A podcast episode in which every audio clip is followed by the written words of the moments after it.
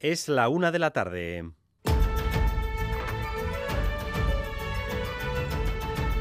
Crónica de Euskadi con Dani Álvarez.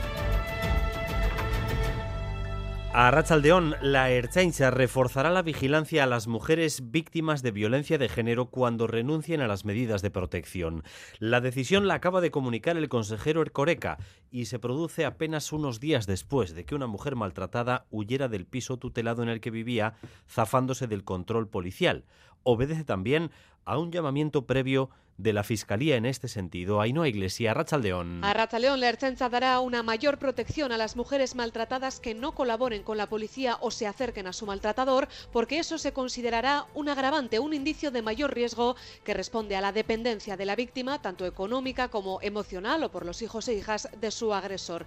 Cambio de protocolo tras esa huida de una mujer víctima junto a, su agresor en Guipúzcoa y también tras el caso de Mayo Vitoria-Gasteiz cuando una mujer embarazada fue asesinada por su expareja que tenía una orden de alejamiento que quebrantaba habitualmente. Los contactos entre el PSOE y Junts continúan, también los que mantienen los socialistas con el PNV, pero aún no hay resultados. Hasta que no haya luz verde, no se puede fijar la fecha de la investidura. De modo que continuamos en un incómodo impasse. Madrid y Sarobaza. Sí, de hecho, fuentes del Congreso descartan que la fecha de la investidura se dé a conocer hoy. Ahora mismo todas las opciones están encima de la mesa. La investidura se puede celebrar aún la semana que viene. El Pleno se puede convocar incluso con 24 horas de antelación. Pero ahora mismo hay más dudas que certezas. La atención está puesta en Bruselas, en los contactos entre PSOE y Junts para limar los últimos flecos del acuerdo para poder atar el sí de Puigdemont. Eso sí, desde Junts quieren actuar con prudencia y sin prisas. Las comunidades del Partido Popular aseguran que van a reclamar un trato similar al que recibirá Cataluña en virtud del pacto alcanzado por Esquerra, que servirá, como saben, para perdonar 15.000 millones de euros de la deuda que tenía Cataluña con el Estado. Cataluña debe 71.000 millones, Valencia 46.000, Andalucía 25.000, Euskadi y Navarra cero, en virtud de los regímenes de concierto y convenio. Seguramente, si empiezan a perdonarse deudas, alguno tendrá que morderse la lengua cuando quiera hablar de privilegios fiscales de los demás. Y continúa llevándose el euskera al debate político, hoy otra vez en el Parlamento, Ciudadanos y Vox, al Lendakari. Lo que sí que hay es una campaña de desprestigio contra la necesaria independencia de los jueces y contra la separación de poderes. Es muy grave fomentar desde su posición la deslegitimización de la justicia. La diversidad de opiniones no significa, como usted sostiene, que se haya organizado una campaña de presión social y pública contra tribunales y jueces. El Gobierno vasco no lo ha hecho ni lo va a hacer.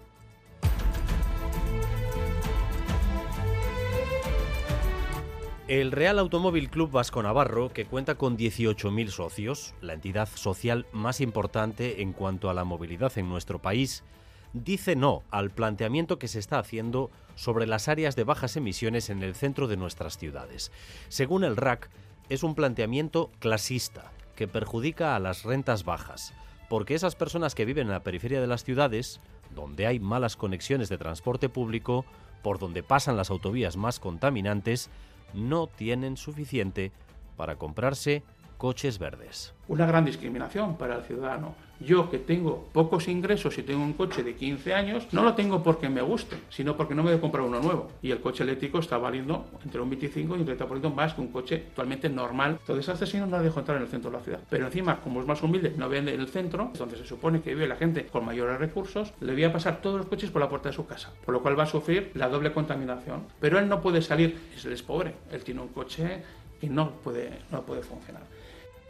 El largometraje La Espera ha obtenido el premio Blogos de Oro al mejor largometraje de la Semana de Cine Fantástico y de Terror de Donostia. Según el jurado, ha sabido crear una atmósfera opresiva con la interpretación ejemplar de Víctor Clavijo. José Mi Beltrán, director de programación de Donostia Cultura, valora así ese festival por saber crear una atmósfera de opresiva amenaza, subrayada por la interpretación ejemplar de Víctor Clavijo, y demostrando que el cine que sale de las entrañas es el más auténtico. Maya Egues era la que hablaba, miembro del jurado eh, de este premio al mejor eh, largometraje explicando las razones del premio a la espera, la película vencedora. Y también vamos con lo más destacado del deporte con Álvaro Fernández Cadierno, Arracha León. Que es mucho Arracha León, clasificado a la vez para la segunda ronda de la Copa. Tras meterle 10 al Deportivo Murcia, nos centramos en la Liga y en la Liga, pero en segunda y juega Leibar, lo hace en casa del Español. Además, Dusko Ivanovic debuta esta noche en el Buesa, partido de Euroliga entre Basconia y Partizan. Juegan nuestros equipos de la Liga Femenina de Básquet, Valencia y DK, Guernica, Barça y Celta Araski, pero sobre todo la noticia de la mañana es que el hombro de Altuna está ok, por lo que Joaquín se medirá a Jaca el domingo en Eibar en la segunda semifinal del 4 y medio. En EITV seguimos sumando iniciativas para el maratón solidario que cada año llevamos a cabo en el mes de diciembre. Este año EITV Marato ya recauda fondos para la investigación contra el cáncer. Ya se pueden hacer donativos por Bizum, por transferencia, por teléfono, online y además desde hoy Eroski se suma a esta recolecta con el céntimo solidario. Mayalen Galparsoro. Si hacen la compra en Eroski, al pagar con tarjeta se les dará la opción de redondear la cuenta. Si aceptan, esos céntimos irán a parar a la hucha de EITB Marato ya. El dinero recaudado, como decimos, se destinará a la investigación contra el cáncer, la primera causa de muerte en Euskadi, con 14.000 nuevos casos diagnosticados al año. Gracias un día más por elegir Radio Euskadi y Radio Vitoria para informarse. Raúl González y José Ignacio Revuelta están en la dirección técnica, María Cereceda en la coordinación. Crónica de Euskadi con Dani Álvarez.